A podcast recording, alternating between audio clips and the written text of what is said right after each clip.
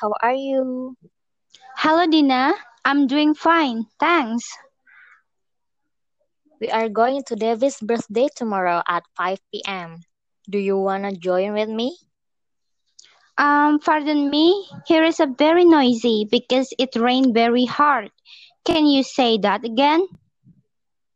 Okay, I said tomorrow is David's birthday, so I asked you if you want to go with me.